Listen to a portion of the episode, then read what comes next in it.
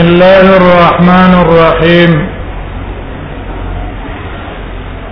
الحمد لله رب العالمين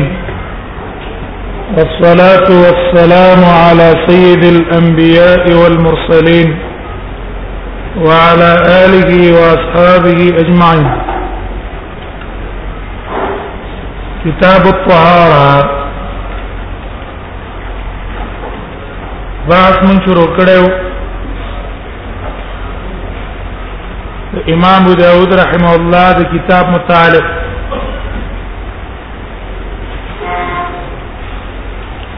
امام ابو داود رحمه الله سنن ابو داود کی ضعیف روایتونه وړي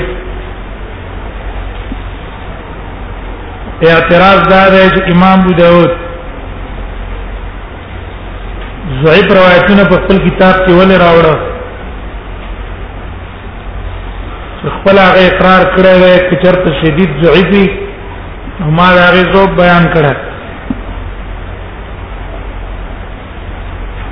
دیوژ نه بعد علما بعض طلباء دا اعتراض کوي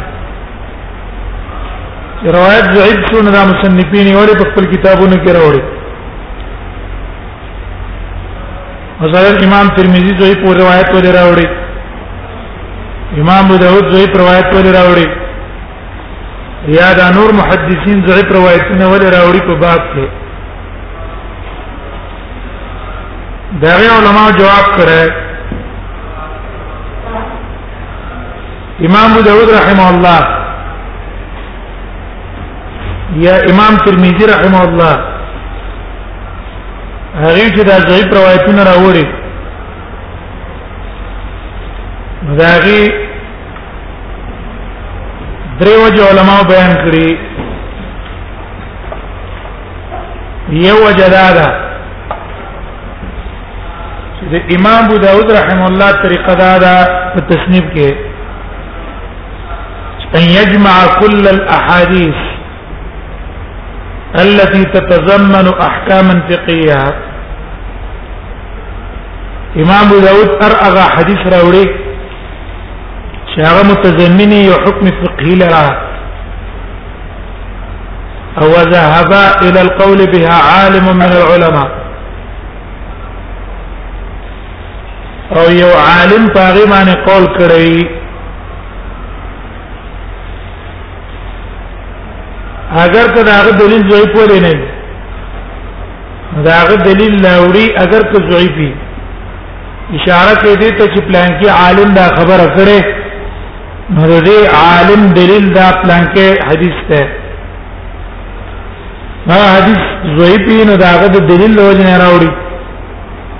یو سبب دا ده دویم وجه دا ده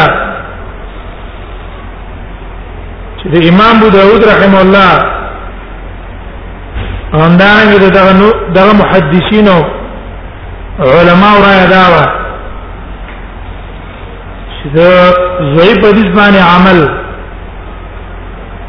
کله چې ډیر ضعیف نه دا قوی ده من العمل براء الرجال والقياس امام ابو داود او د نور علما را یادا چې حدیث ضعیفه کله چې ډېر کمزور نه وي اذا لم يكن شديد الضعف ډېر کمزور نه وي اقوا من راء الرجال دا د د علماو په اجتهاد باندې پچتلل یا د هغه په قیاسونو باندې عمل کول په نسبت د ضعیف روایت باندې عمل قوی ده سره د ضعیف په دې شمالو کې د اخر په نسبت ده چې یو عالم پرای او په اجتهاد عمل وکړي نو د دې په بنا باندې دی علماء صحیح حدیث ته نه ملاو شوی نو ضعیف حدیث راوړل دا ضعیف غوره ده په نسبت د رائے او اجتهاد لکه دې خبرې ته ابن منده هغه اشاره کړې ابن منده سے بوای وکانه من مذهب النسائی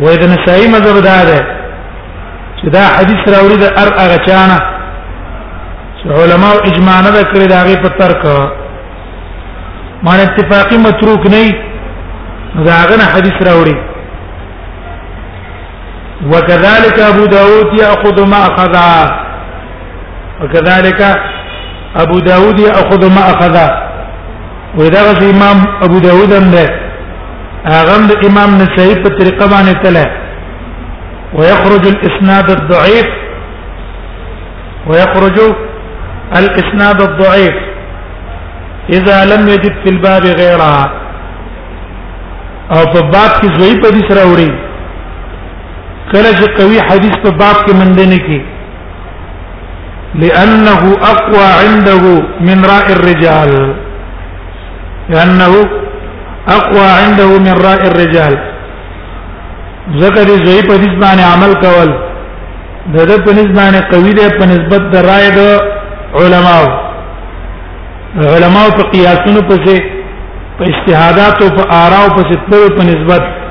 د دې په نسبت باندې په دقه روایت باندې عمل کول ته څه ښکاری دا او ته قوی ښکاری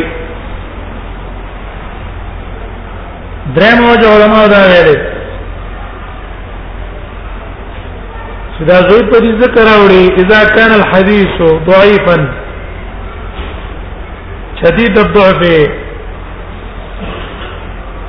وکړه چې حدیث ضعیف او ډیر ضعیف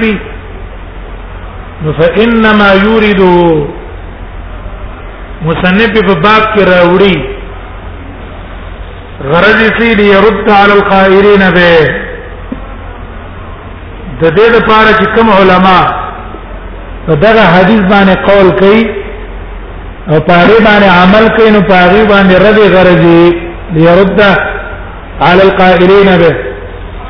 هغه سان چې په دې باندې عمل کوي په هغه باندې رد غرض ده وياك مصنف رحم الله هغه ته دا وایي چې تاسو دا مذهب کمزور دی کمزور دی ځکه چې حدیث ضعیف دی او ضعیف حدیث نه مسله راځل ټیک نه دی دا غي مثال به امام ابو داود ذکر کې باب خیر باب النهی عن التلقین سنب رحم الله باب خیر باب النهی عن التلقین یو سل یو در صفحه کې دا باب راځي باب بیان دې کې چې تلقین نه من راغله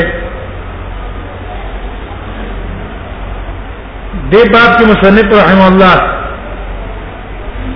یو حدیث راوړی د حارث الاعور د علینا رسول الله صلی الله علیه وسلم فرمایلی دی چې امام ته فتح نه ورکه مصنف رحم الله دا حدیث راوړی دا دیو جنا مصنف وای ګوره دا حدیث ضعیف ده ولی یو خدا دې جدا منقطع ده دا منقطع ده دویم وجه د زو پیدا ده چې دې کې حارس الاعور ده او حارس الاعور متهم بالكذب ده نو دیو جن دا روایت ضعیف شو او د دې نه دا مسله رښتل امام ته فتوا ورکول ټیک نه دی دا مسله کمزورې شوه امام ته په مانځ کې فتح ور کولای شي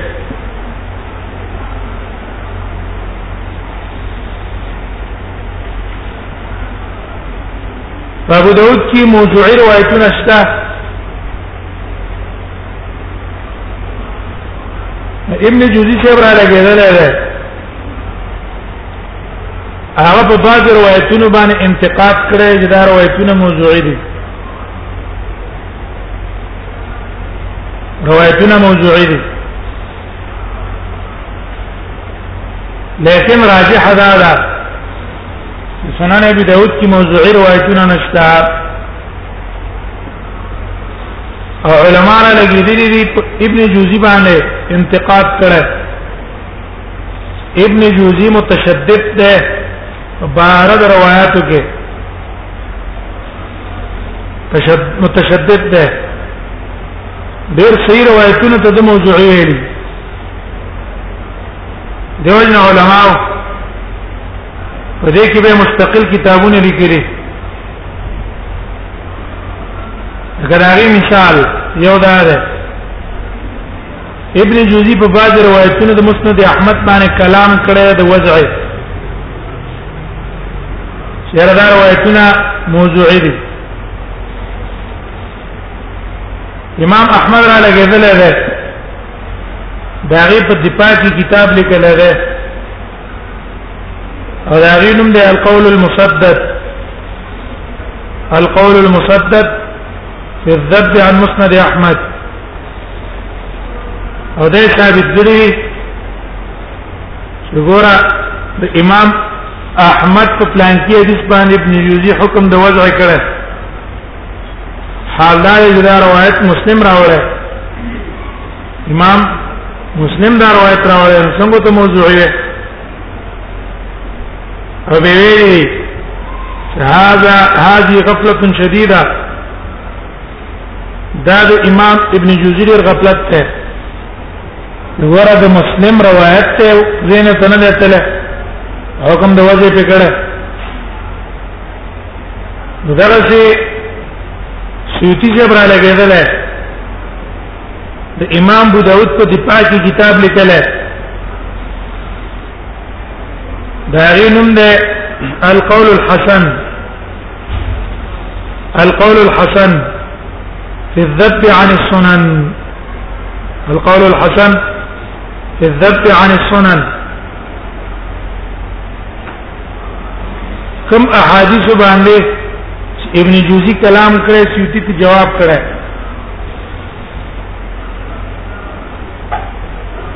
یو په حدیثو کې ابن جوزی په تنقید کړی دی حدیث د صلات تسبیح دی ابن جوزی ویلي چې دا حدیث موضوعي دی او ډېر علما به ابن جوزی قول ګوري صلات تسبیح نه کوي اورت ته کوي البته موږ ان شاء الله ثابت کو چې صلات تسبیح والا روایتونه ضعیف نه دی موضوع نه دی بلکې په درجه د حسن کې دی زګه په مختلفو طریقو باندې دا روایت ثابت شوی دی زم حدیث ته د ابی بن عماره باب توقیت المسح کې رسو را روان دی هغه باندې حکم د وضع کړی چې دا موضوع دی دریم حدیث ته کتاب النکاح کې راځي یو سره راغی نبی صلی الله علیه وسلم ته وی چې اے الله نبی ان امراتي لا لا تمنع يد لامس هغه باندې حکم د وضع کړی دا روایت منزوی ده سورم حدیث ته للسائل حق وان جعل فرس لسائل حق وان جاء على فرس د سوالګر حق د اگر که په اسور نه ناس بنزم حدیث ته د معاذ بن جبل بارد جمع بین الصلاتین فی السفر جمع تقدیمی رسول الله صلی الله علیه وسلم کله په سفر تلو د زوال نورستو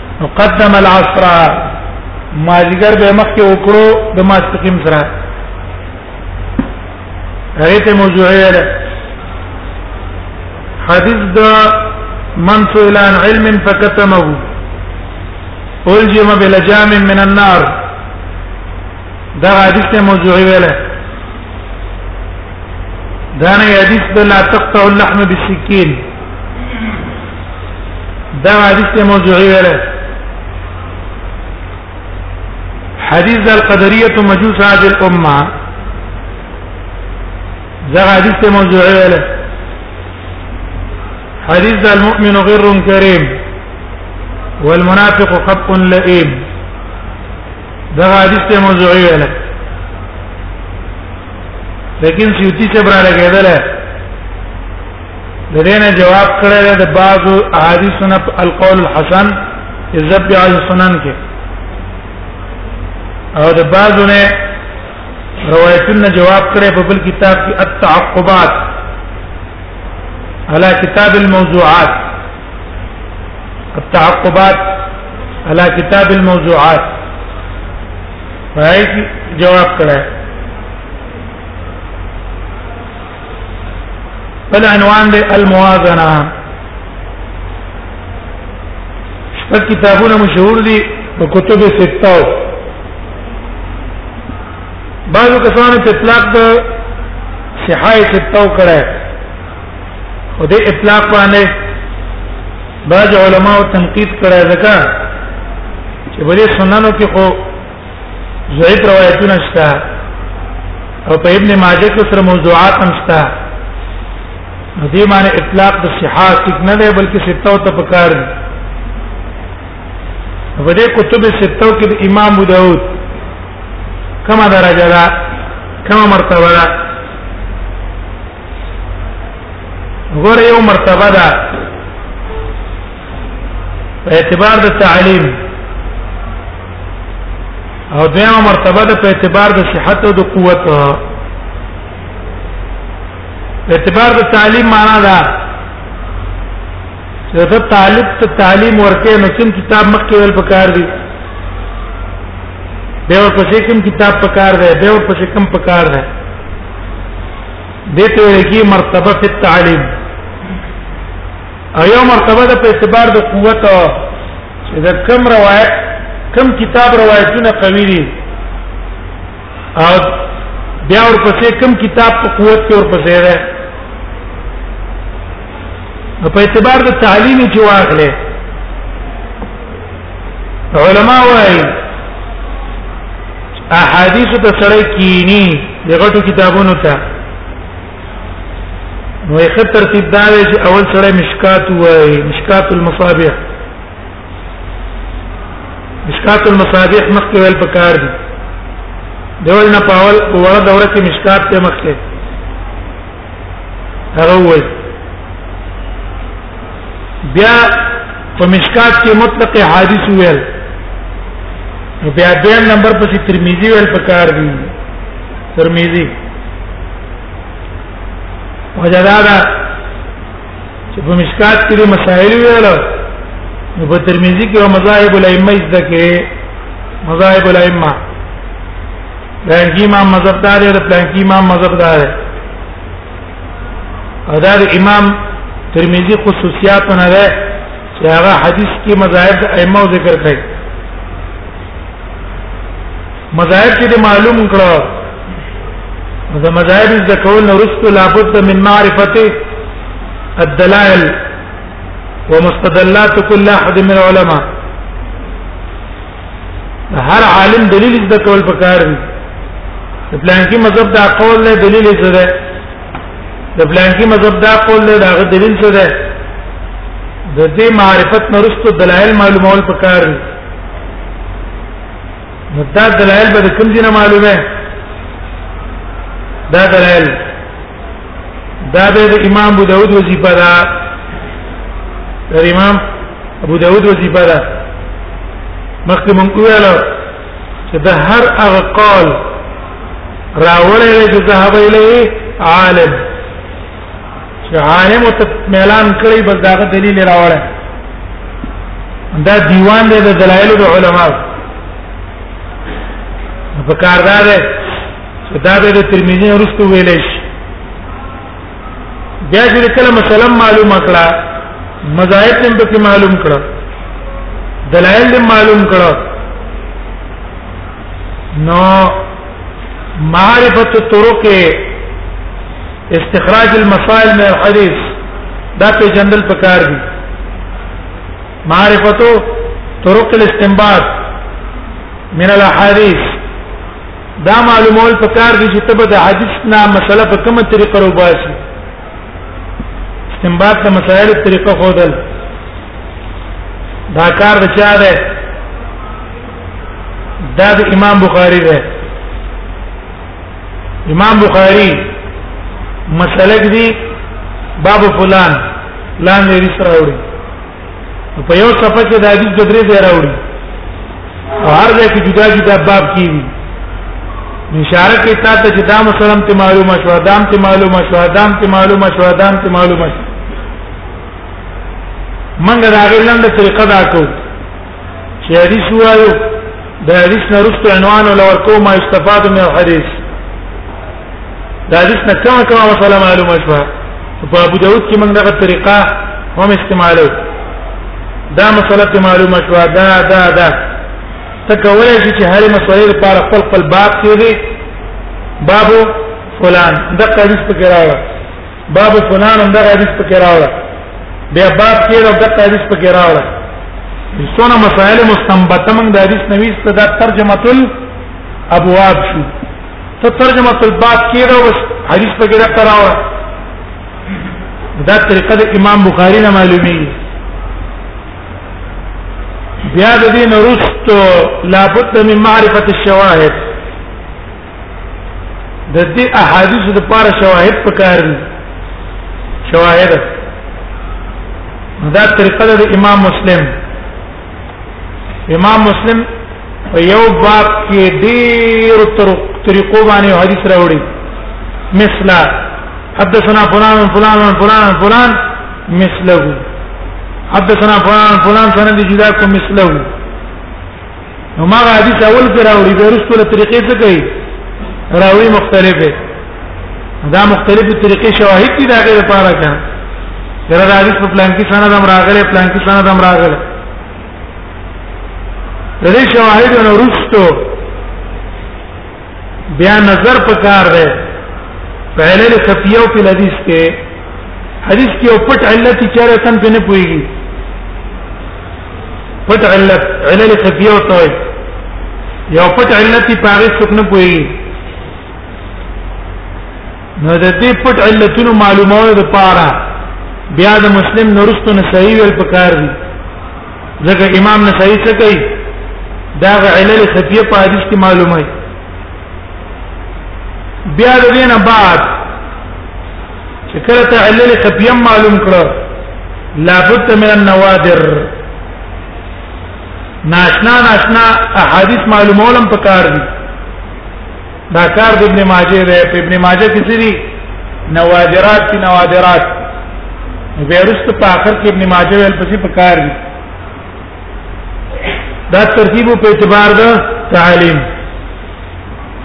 یو رتبه د امام داود ترمذی نسائی ابن ماجه او د بخاری د په اعتبار د قوت کې اول کتاب بخاری ده د دیم نمبر مسلم ده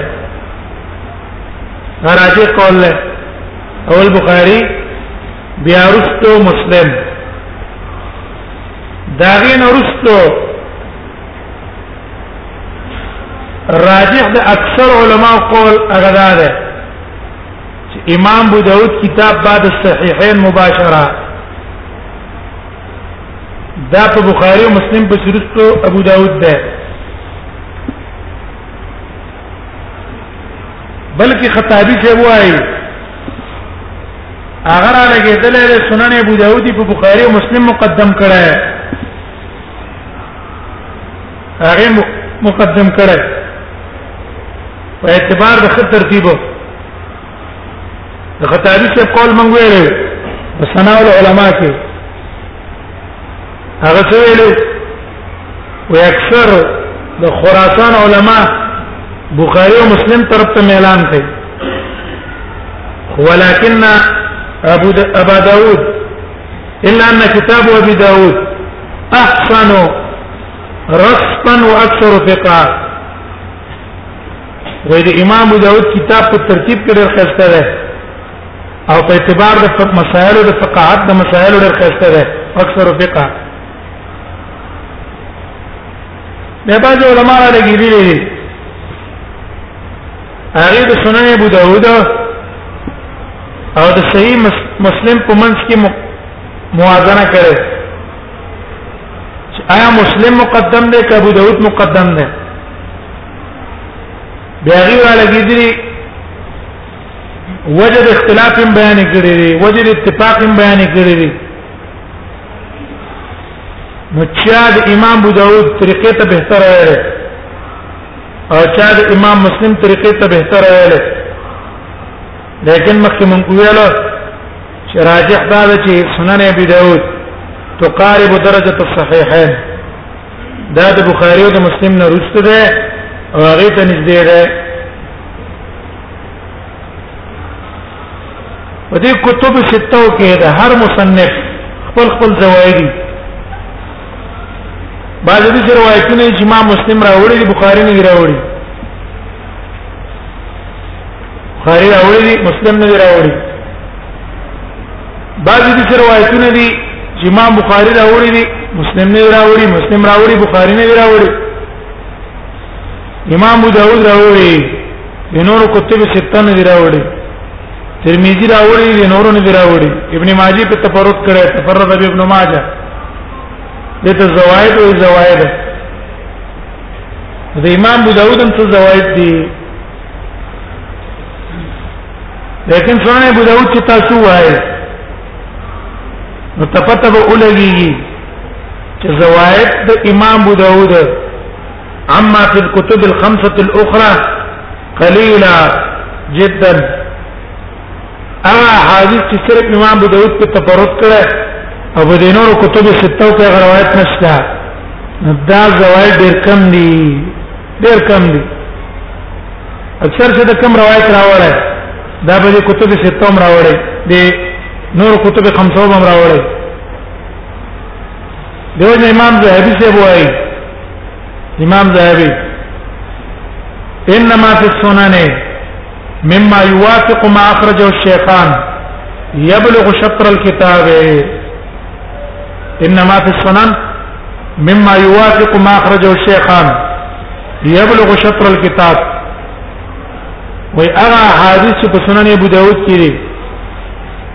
خو دا هغه حدیثونه یوافق الشیخان چې د بخاری او مسلم سره موافق دي یبلغ شطر الكتاب من کتاب د سنن ابو داود د چې احادیث چې هغه بخاری او مسلم دوانو راوړي زاهدی چې دا قول کړي په طبقات الشافعیه کې گویا کې سنن ابو داود اجمع هذه الكتب دا جامع ده لپاره د کتب خمسه دلته په دې کتاب کې ځان پیکو دا نور کتابونو حدیث هم په دې کې څه شو خپل حل شو دلته حدیث ویل بس ترمذی کې حل شو ابن ماجه نه صحیح کې حل شو او بخاری او مسلم کې حل شو جامع د لپاره د کتب خمسو او د دې زواید چې دي هغه حدیث چې دلته راوړي نور چانه دی راوړي احسن حالا من زوائد غیره د دې نور مصنفینو د زوائد نه غوړه وی ابن ماجه زوائد اکثر موضوعي زوید دي لیکن د زوائد د قصې نه دي نه راغی نه کوي بل عنوان له خصائصه خصائص مزایا او خصائص څه ته وایي هغه خصوصیات چې په ابو داود کې دي او په نور کتابونو کې هغه خصوصیات نشته په دې کتب ستو کې دې ته خصائص وایي یو خصوصیت دې کتاب ده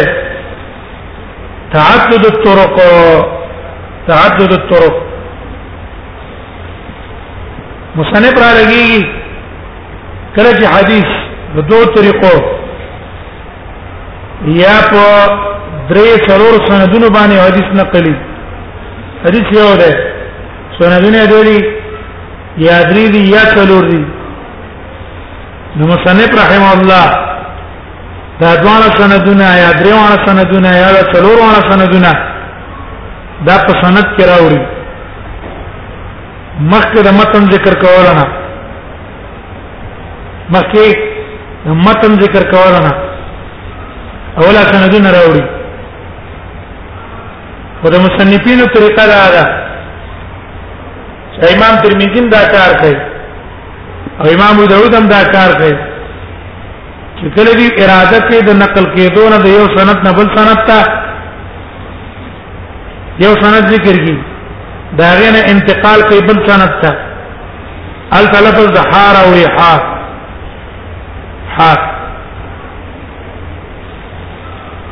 عادت محدثینو دا په خپل ځای کې وایي چې دا حا مخفف ته څنګه ده دغه چې مصنف هم دا کار کوي د متن نه پاول کې مخکې ټول او ټول سندونه راوړي چې دا دې څونه سندونه دي دا ول په سند کې جمع کی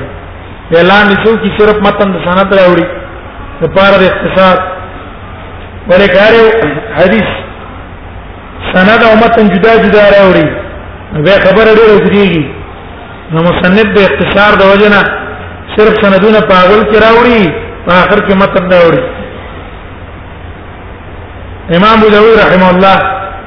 دې خصوصیت ته په خپل اشاره کړې هغه رساله د کې چې مکه والا ته لیکلې و هغه کې ته ویلې واذا اعدت الحديث في الباب من وجهين واذا اعدت الحديث في الباب من من وجهين کله چې حدیث په باب کې د دوه طریقو نه راوړم یا د درې طریقو نه فانما هو من زياده كلام فيه دا د وجه د زیادت د کلام نه وي پاره کې کلام زیادت په پای کې راغلی او ربما تكون في كلمه زیادت نه حارث او یاد دې وجه راوړم چې پای کې یو لفظ زیاتی په دې بل حدیث کې بل لفظ زیات نه دا غیر ونه به راوړم زم خصوصیت مصنف سره تکرار الحديث دیم حدیث بار بار مکرر راوړي ولی رسول الله صلی الله علیه وسلم الله جوان او کلم ورکړي په یو حدیث کې دنه نبی صلی الله علیه وسلم ډیر احکام ته اشاره کوي نو مثلا محدثین علما چې دا حدیث نه حکم راوباسي نو خامخا به تکرار دا حدیث کوي یو ځای کې یو حدیث راوړي حکم ته روبا شي هغه حدیث راوړي بل ځای کې بل حکم روبا شي نو بیا هغه حدیث راوړي بل ځای کې بل حکم روبا شي نو بیا هغه حدیث راوړي دته ولکې تکرار الحديث دغه چې مصنف رحم الله تکرار د حدیث بکې په یو باب کې د وجه یو حکم نه هغه حکم متضمن یا غباب لا نو بیا به دا حدیث په بل باب کې راوړي چې دغه باب حکم متضمني دغه حکم شا دغه حکم ذکر شوی په دغه حدیث کې او دا حدیث متضمني دی حکم د دغه باب لره نو دوباره دا حدیث په هغه باب کې راوړي تکرار کوي دیو جنا علماء د تکرار نقلاتي کې نه تکرار وکړي دا باید وخت موږ تاسو هم کتاب وایو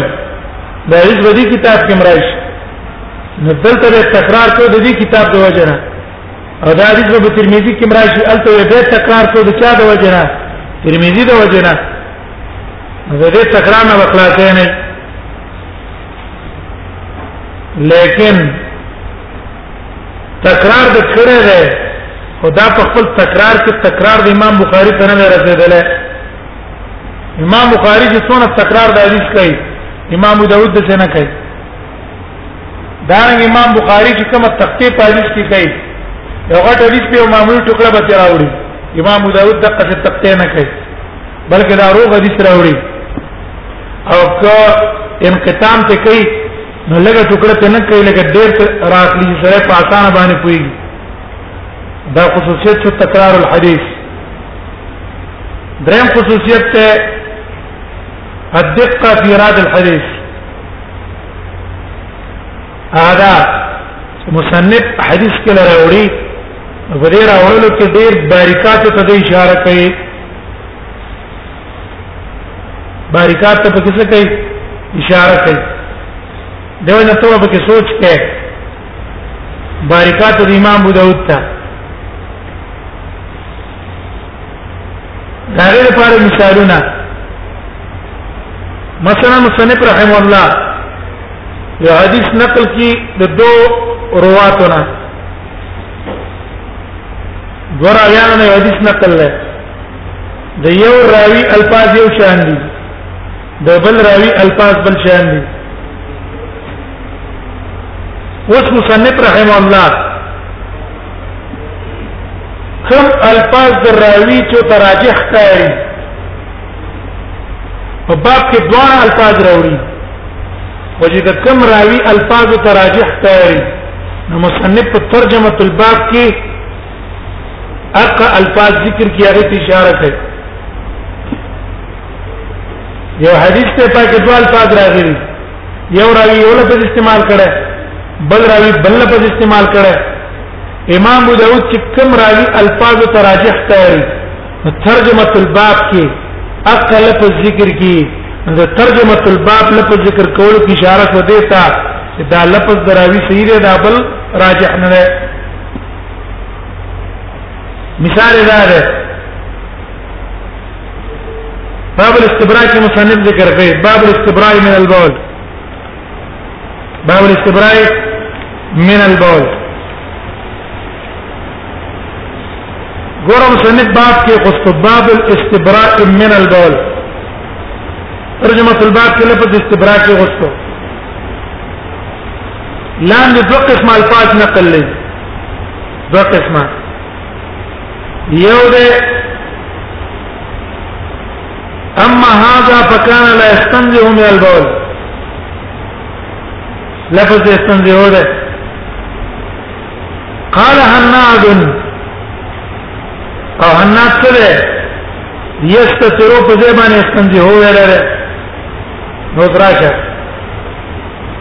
ايه كان لا يستتر من بوله وقال ابو معاويه استنجه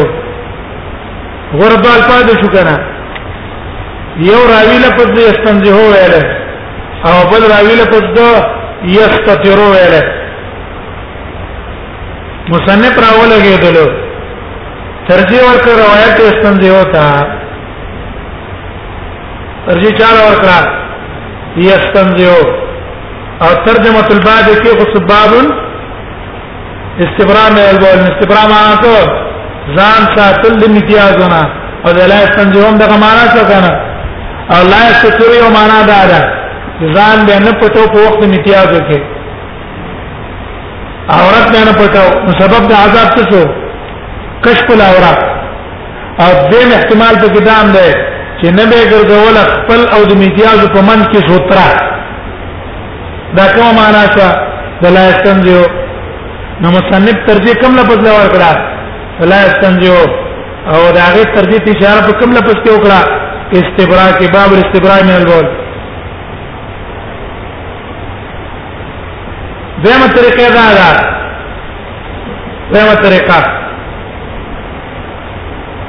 چې مصنف رحم الله حدیث براوړي په دوه طریقو او د دوه طریقو په منځ کې لګ لګ فرقونه وي لګ لګ فرقونه وي هغه فرق مؤثر په معنا کې نه دی دا معنا یو ده کاغه لپشي او کدا لپشي دا معنا یو د هیڅ فرق نه راځي او مصنف رحم الله حریص ته بده چې د استادانو حق الفاظ نقل کی چې کم الفاظ استادان ویلي نو ډیر علاقي یو مق الفاظ نقل کړي همغه نقل کړي دا کار مثلا ګورا باری خیره باب باو ما یقول الرجل اذا دخل الصلاه یوله پانه کې ګورئ ګورا د دې استاد حماد حماد کوم لفظ ویلې اللهم اني اعوذ بك بل استاد ویلي اعوذ بالله اللهم اني اعوذ بك بل استاد لفظ اعوذ بالله ولا ځان مقصد یو ده اعوذ بالله دی ویل اعوذ بك دی ویل نو خبث او القبائح خبره ټیک ده لیکن مصنف د هر استاد الفاظ نقل کړي د پاره د حرص چیرې د استاد په الفاظو کې فرق را نه شي بلکې یو مقطع چې زه نقل کوم چې څنګه ما اورېدلې او دا دلالت کوي په تحرید محدثینو محدثین تر اوسه کوشش دا کوي چې هغه الفاظ نقل کړي چې کوم الفاظ د استادانو دي تراغلي دریم خصوصیت څلورم خصوصیت دا ده الاختصار هغه دا یو وګد حدیث براغلی په یو باب کې وګد حدیث په لیکن د مصنف باب ترجمه الباب چې ثابتېږي دا حدیث دی جملې نه به ثابتېږي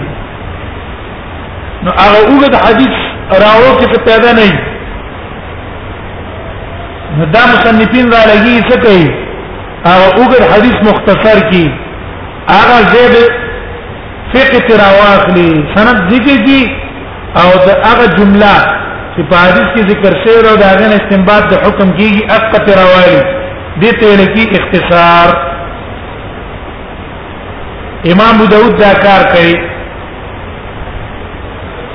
امام ابو داود دې خصوصیت ته خپل اشاره کړې ده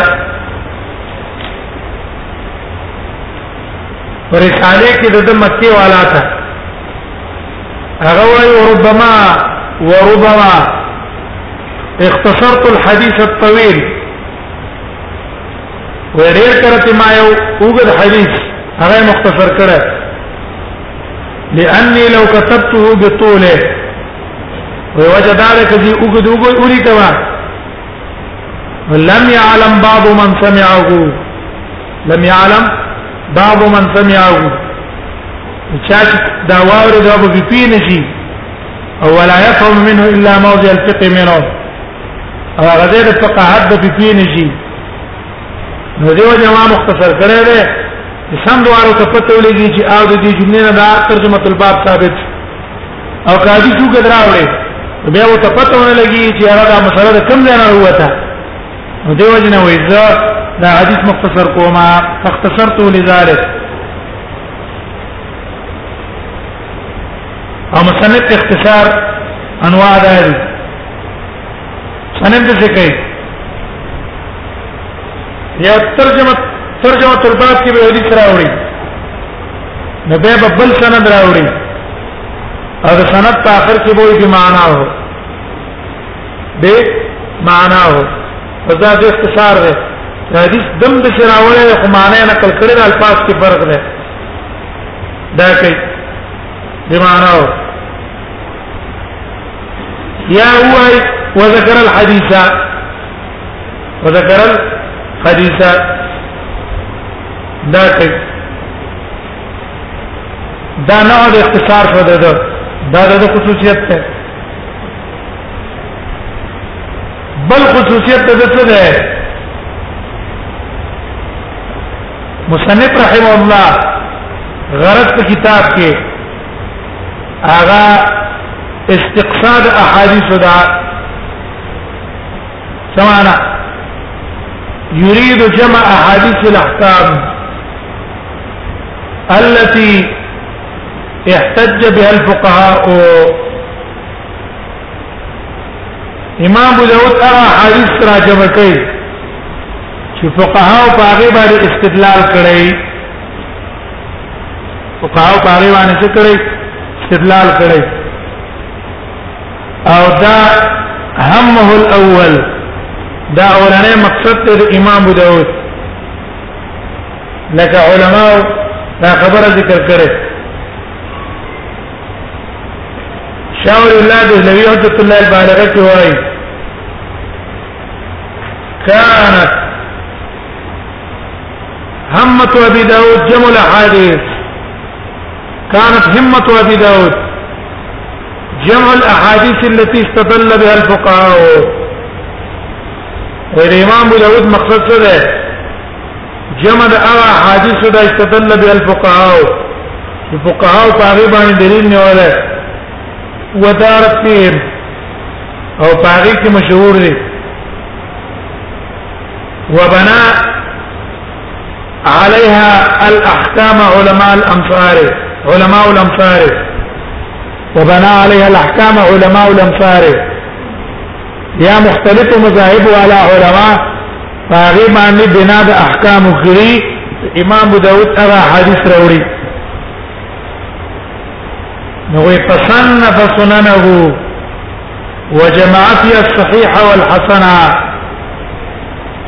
امام ابو داود خپل سنن ابو داود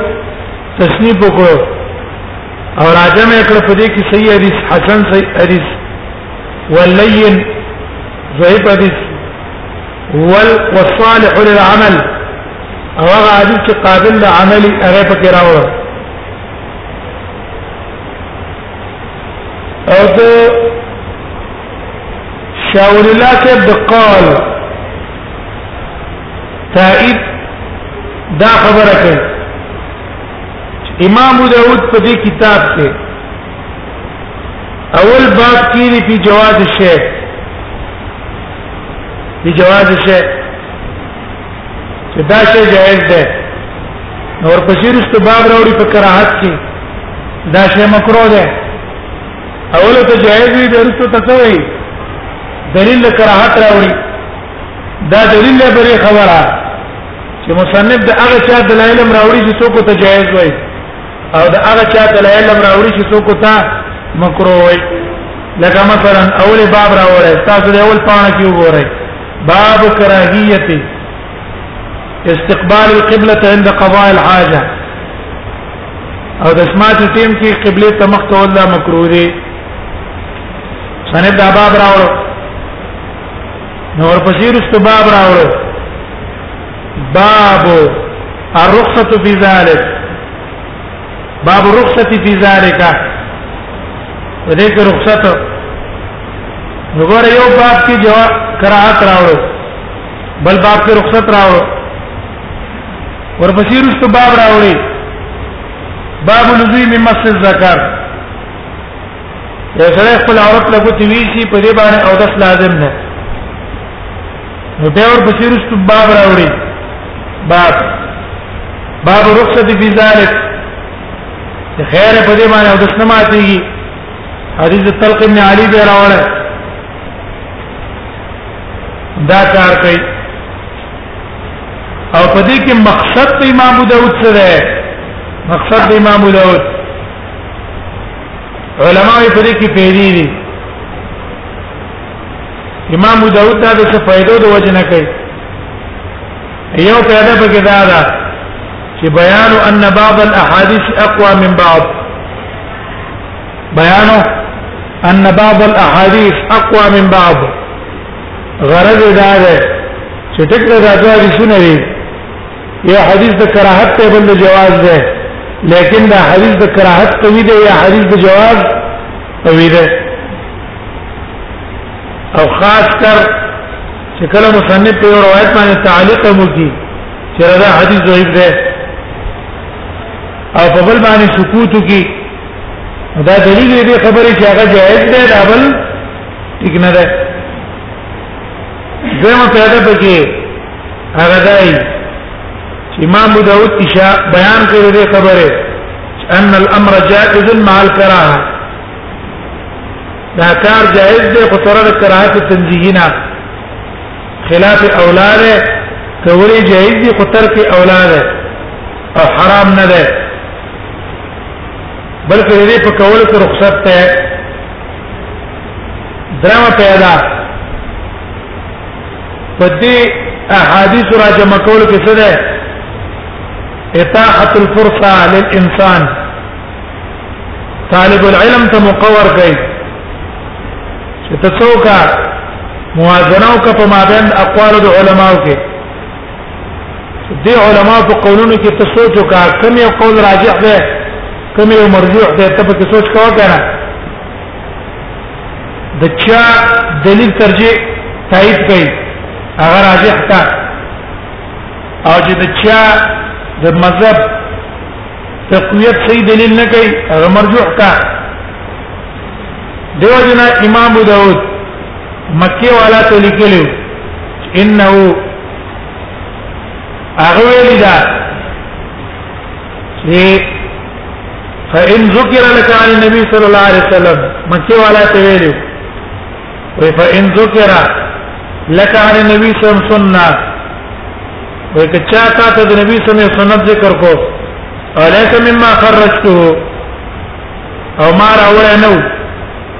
نو فعلم انه حديث واحد په دې کوی چې دا حدیث سره دا ضعیف ده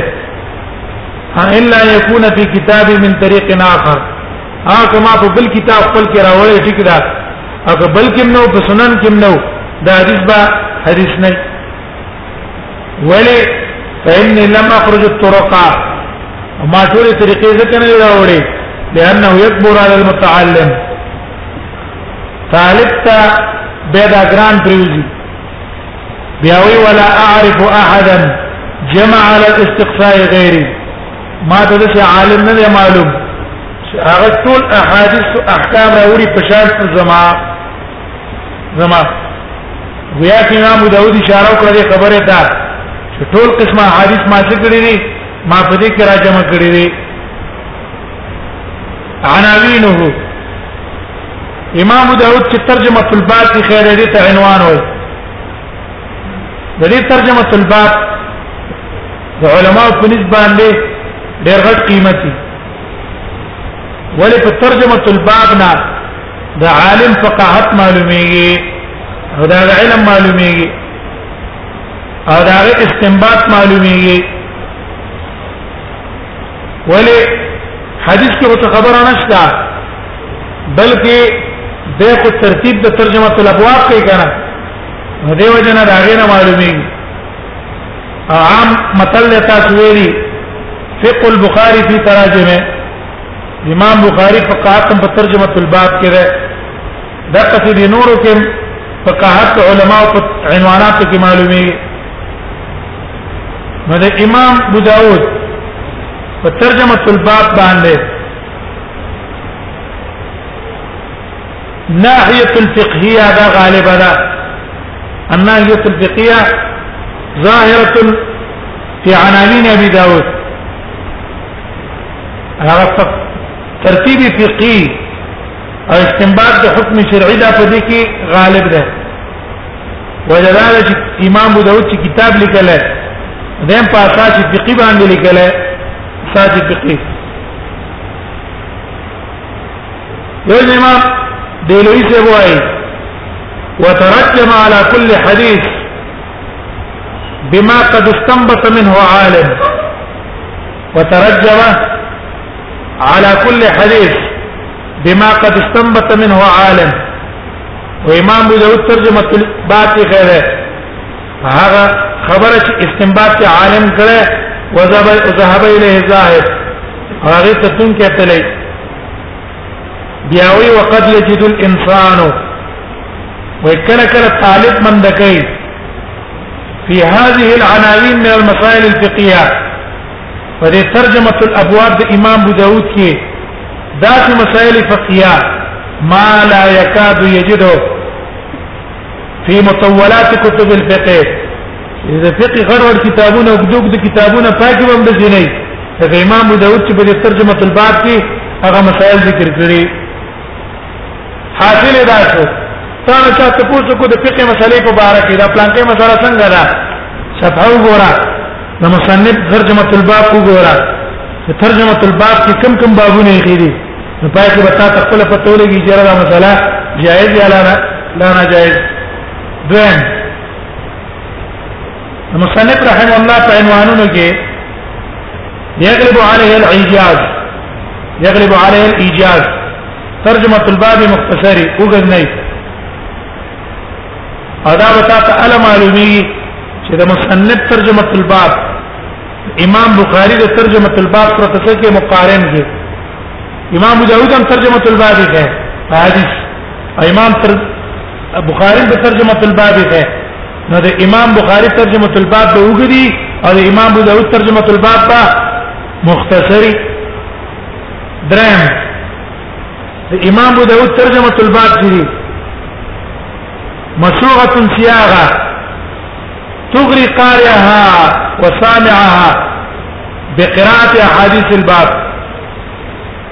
امام ابو داود په ترجمه الباب کې دا کار کړی چې هغه ترجمه الباب راوړي هغه خپل قاری او سامع له تیزی ورکې په قرات حدیث چې زو دا ویل علماء چې دی حدیث کې څه دي دا کار کوي ترجمه الباب کته محتاج کوي دیتا چې تلام یې شو ګوره مثلا مصنف راوړل دی باب باب الرجل ينعس والامام يخطب یو سره او د کی یو امام خطبه وای مستحفل په عشقی په دی باندې چې دا دې څګوره وا چې دا هیڅ څه څه مساله ده چې آیا دا او د کېدل جایز دي کنه راواله ته باید چې په کتل د حدیث باندې ته به چې نه دې دا بس مسله ته معلومه شو وسته دا نه ریس بګوره یا بابي خیره باب من ادرک من الجمعه رکعه جمعه پر ورځ نه رکعت تله او خرنه رکعت ته مند کو نو اوس بتا خپل باشتي په دې چې حدیثو ګوره چې ایسه مدد د جمعه او کنه ته به خامخ حدیث ګوره یا بابی خیر باب باب الرد علی الامام امام ته تلقین ورکول جایز دي کنه نو ته به خامخ کتاب ګوره حدیث به پکې ګوره دا کار کوي دویم د څلورم دغه په ترجمه الباب کې کله کله د شکار کوي یو غټ عنوان راوړي مسمى کې په جماع جماع ابواب یا باب التفریع ابواب جمعه دا به ترجمه الباب کیږي به به دا غي لاندې بابونه بابونه راوړي دا کارم کوي پنځم کله به کار کوي باب کې به عنوان یو شی کیږي عنوان به یو شی نه معنی عنوان به کیږي په صيغه الاثبات چیرې دا شی صحیح ده کولی جایز دي لیکن تر حدیث کې به منع راوړي حدیث به نه راوړي دغه مثلا مصنف پاتې خیره باب الامام يتطوع في مكانه باب بیان دی کې چې امام په خپل ځای کې نفل کوي دا باب راوړل لیکن حدیث راوړل دی چې لا يصلي الامام في الموضع الذي صلى فيه حتى يتحول امام چې کوم ځای کې فرض منځ کو الته فرض منځ نه کوي راغلی نه بګرځي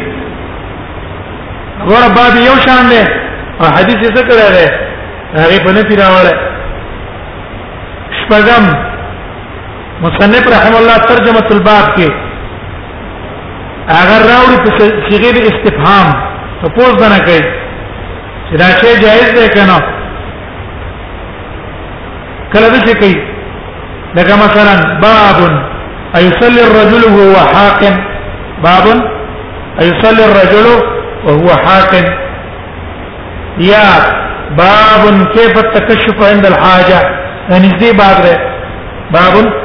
كيف التكشف عند الحاجة يا باب إذا خاف الجنوب البرد أيتيمم باب أيصلي الجنوب دا إذا خاف الجنوب البرد تيمم تيمم بكي كان بكي مصنف دا کار ولې کوي سبيري د استفهام باندې باب ولګري کله کله مصنف په دې کې غرض کوي عدم الجزم بالحكم خپل په حکم باندې جزم نه نو دې ولنه بستاته پری دي چې ته پیچو کار دې پیچو څنګه ته هغه څه وکا او یا کله په مقصد سي هغه بیانې چې هغه دلالت په کیفیت باندې کوي غرض به کیسوي کیفیت بیانولې دا کار کوي او کله کله غوړه مصنف ترجمه الباب یو شان کیږي ترجمه الباب لیکن لاندې حدیث د ترجمه الباب پر هیڅ مناسبت نه لري ځنه کله ترجمه الباب کیږي لیکن لاندې حدیث د ترجمه الباب سره بالکل موافقت نه لري مثلا باب راوړل باب من جهر بها باب بیان د دې کې چې بسم الله په جهر باندې ویل پکار دي دا باب مصنف غیره دا غیلان د درې احادیث راوړي او د یو حدیث مناسبت هم د ترجمه الباب سره نشته د یو حدیث د یو حدیث هم د ترجمه الباب سره مناسبت شوی نه معون المعبود وعلى وای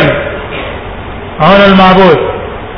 وي مصنف دا درې حدیثونه راوړي دي ترجمه الباب کې غرض د مصنف دا ده چې الاستدلال بهذا الحديث په دې حدیث باندې استدلال نیول دا نه وکذا بكل حدیث یا په هر حدیث باندې دلیل نیول چې بسم الله جز د قران نه ده چې د قران جزونه په جهر باندې به نو امام ابو داود وايي چې دا استدلال صحیح نه ده استدلال صحیح نه ده د پاره د جهر گویا چې امام داود وايي چې کوم علما د دې استدلال نه ولري په جهر د تسمیع دا استدلال کمزور دی ضعیف دی نه دی وجه دار اوره دا هغه خلاصه د عناوین په دې طریقه باندې دا عناوین دي